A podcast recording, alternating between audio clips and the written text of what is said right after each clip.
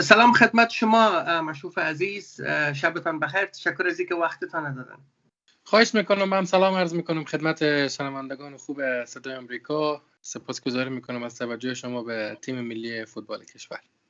مشروف عزیز با توجه به پیروزی 4 0 بحرین در برابر هنگ کنگ سرنوشت تیم ملی فوتبال افغانستان به کجا رسید؟ خب خوشبختانه با توجه به پیروزی بحرین مقابل تیم فوتبال هنگ کنگ و با توجه به تصاوی بسیار ارزشمندی که تیم ملی فوتبال ما در مقابل هند به دست آورد ما تانستیم صعود خود به دور بعدی انتخابی جام ملت‌های آسیا به صورت مستقیم مشخص و مسجل بکنیم. هدف اول و آخر فدراسیون فوتبال و تیم ملی هم همین بود.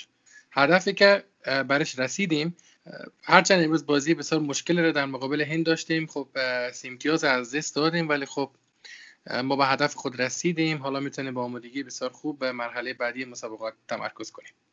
مشروف عزیز دور بعدی چه زمان شروع میشه و قرار است با کدام تیم های آسیا به مسافش تیم ملی فوتبال افغانستان بره؟ ببینید در مرحله نخست خب ما دوازده تیم به صورت مستقیم فعلا صعودشان قطعی کردن به جام ملت‌های آسیا 2023 دوازده بله. تیم دیگه باقی مانده. فعلا 24 تیم میرن. در واقع صعود بسیار از تیم مشخص شده. چند تیم فقط پلی آف خواهد زد که ما نگران بودیم که افغانستان از جمله تیم‌های پلی آفی باشه که خوشبختانه نبودیم.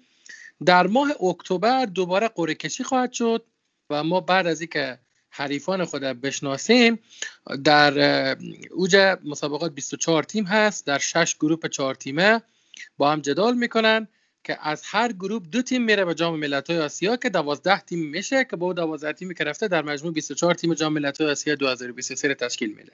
مشروف عزیز با توجه به رقابتی که در طول این ماه جون و ماه می داشتیم ملی فوتبال افغانستان در برابر بنگلادش، عمان و همچنان تیم هند. با توجه به نظری که مبصرین داشتن آنقدرها هم از کارکردگی تیم ملی راضی نبودند. شما به عنوان سخنگوی فدراسیون فوتبال افغانستان راه را برای رسیدن به هدف نهایی که دوازده تیم بعدی جام ملت‌های آسیا آیا برای تیم ملی فوتبال افغانستان مقدور می‌دانند؟ یا که تلاش های بیشتر لازم است؟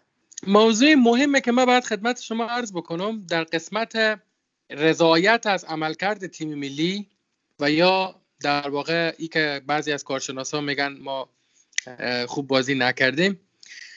در مقایسه با کی و کدام کشور؟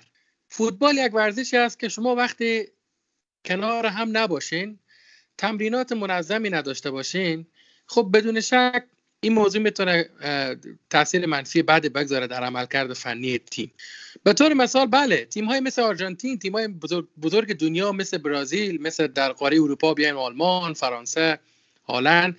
بله اینا هم مدت کمی در چارچوب ردی ملی قرار می‌گیرن و بیشتر در ردای باشگاهی بازی می‌کنن. در یک نیم سال گذشته متاسفانه کرونا باعث شد که بازیکنان ما تمرین منظمی رو نداشته باشن ما ببینین وزارت فدراسیون فوتبال و در واقع بازیکنان استعدادهایی که ما در سطح جهان داریم که به تیم ملی دعوت می‌کنیم همینا هستن. اینطور نیست که ما player را در top ترین لیگ دنیا داشته باشیم و او رو دعوت نکنیم. ما متاسفانه بازیکنایی داریم که در سطح لول بالا بازی می‌کنن اما خب یک نفر دو نفر سه نفر بیشتر نیستن یا متاسفانه یا آگار بودن یا مصدوم بودن یا تمرین خوبی نداشتن.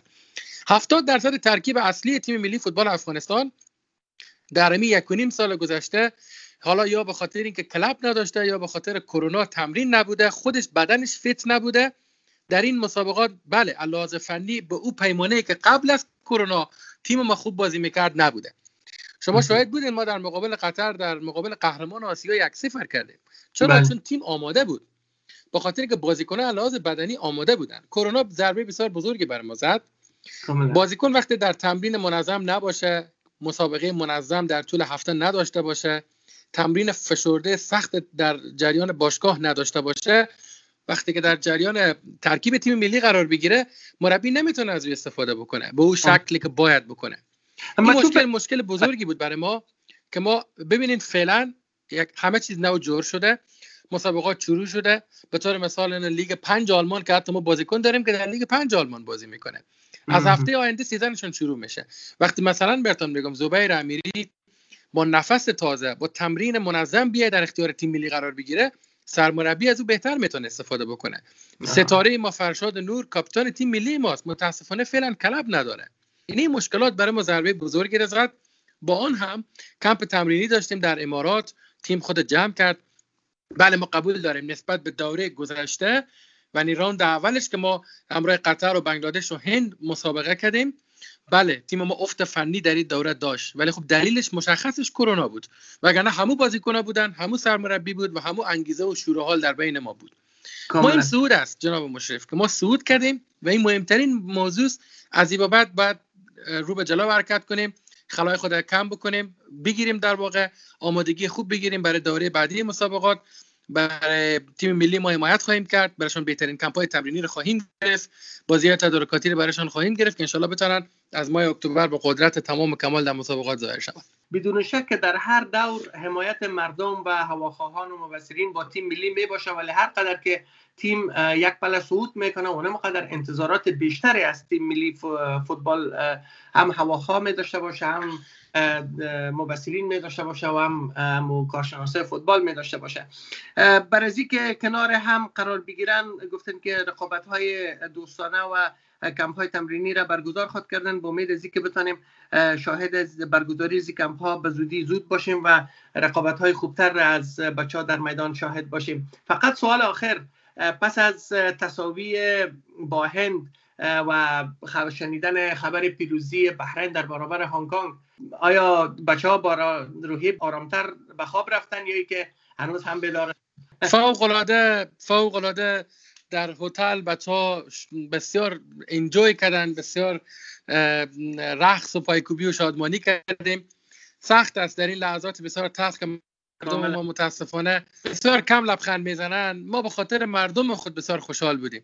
هنوز مأموریت ما تمام نشده. ما وقتی خوشحال میشیم خوشحالی اصلی ما زمانی است که ما به جام ملت‌های آسیا راه پیدا بکنیم. اما این مأموریت اول این بود که ما بتونیم مستقیم راه پیدا بکنیم به دور بعدی. این مهمترین مأموریت ماست که برش انجام دادیم و برش رسیدیم. انشالله استپ بعدی آمادگی خواهد بود. بچه های ما نیمش پرواز کردن به سمت اروپا. نیم دیگه شان صبح پرواز می‌کنن و نیم دیگه هم فردا دیگر به سمت کابل پرواز خواهند کرد.